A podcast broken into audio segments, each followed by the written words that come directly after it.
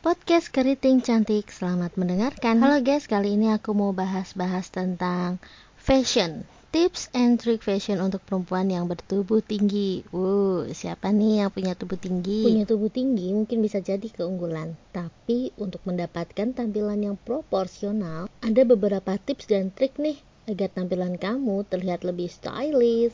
Apa aja ya tipsnya? Pertama, gunakan aksesoris dengan ukuran besar bisa yang bundar besar nih. Nah, pokoknya besar-besar bisa menyeimbangi tubuh tinggi kamu.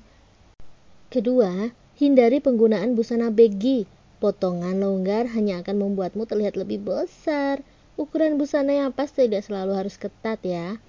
Yang ketiga sentuhan warna cerah pada tiap tampilan Buat tampilan stand out dengan memberikan sentuhan warna cerah melalui aksesoris atau sepatu yang kamu pakai. Yang keempat, pilih sepatu yang modis. Perhatian orang tuh akan tertuju pada kakimu karena tubuhmu tinggi.